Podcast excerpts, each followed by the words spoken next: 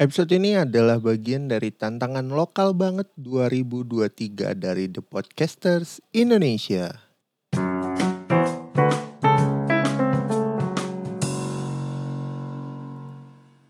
Oke, kalau ngomongin lokal banget atau kearifan lokal, gua nggak kepikiran hal lain selain makanan. Dan kebetulan seperti yang kalian udah baca di judul, film yang mau gue bahas yaitu seputar makanan.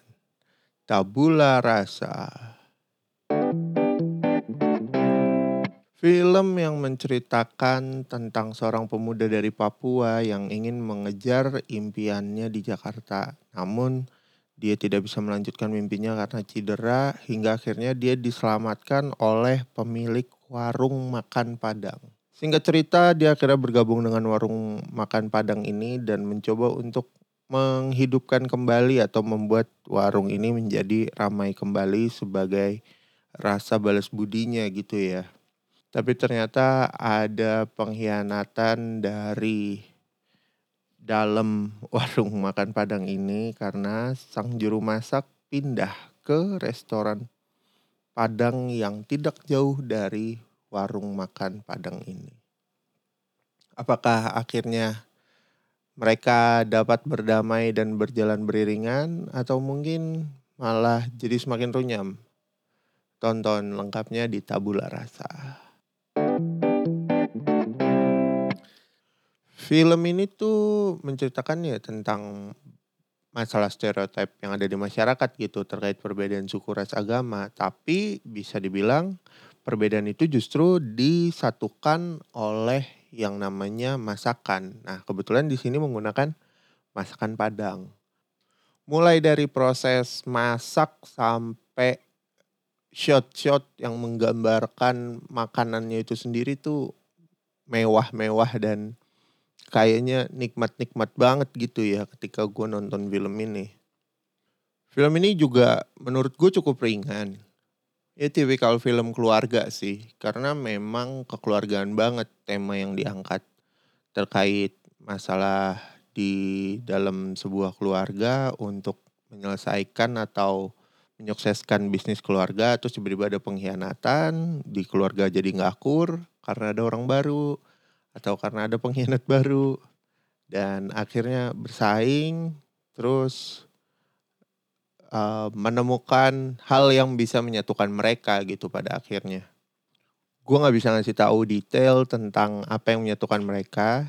Jadi kalian tonton aja film ini langsung. Kalau nggak salah ada di Netflix ya. Gue waktu itu nonton di Netflix soalnya.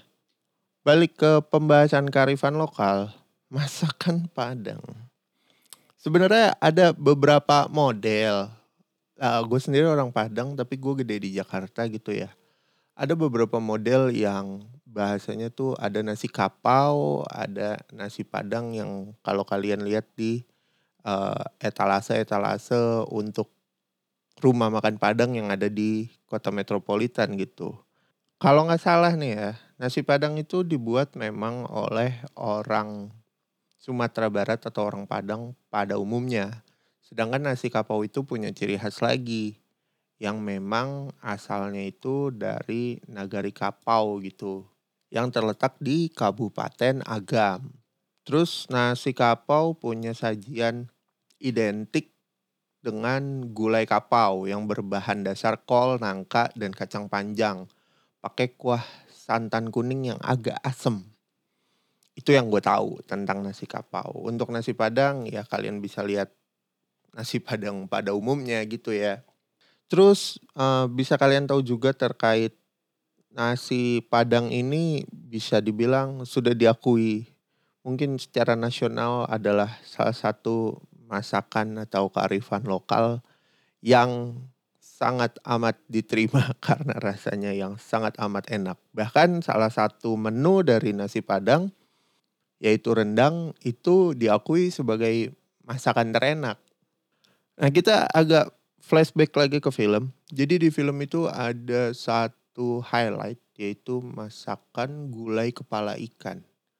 Jujur, gua nggak pernah makan gulai kepala ikan. Tapi di film ini diceritakan bahwa menu gulai kepala ikan ini termasuk menu yang, eee, difavoritin oleh salah satu tokoh gitu ya.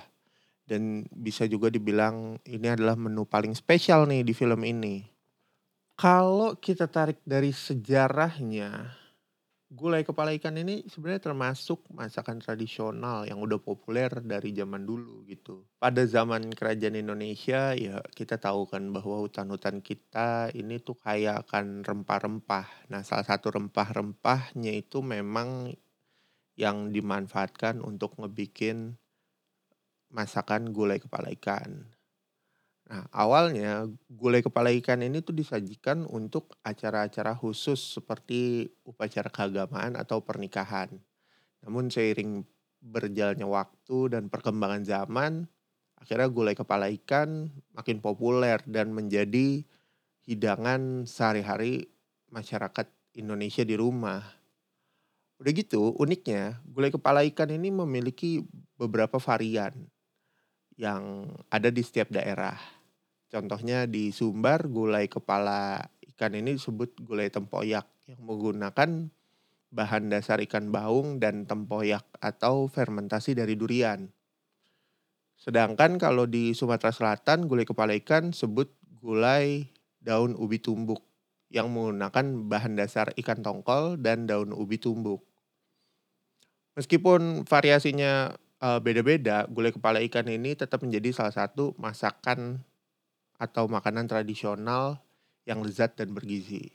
Udah gitu, ternyata bahan-bahan rempah yang dipakai dan digunakan dalam pembuatan gulai kepala ikan ini juga memiliki beberapa manfaat kesehatan seperti meningkatkan sistem kekebalan tubuh dan melancarkan pencernaan.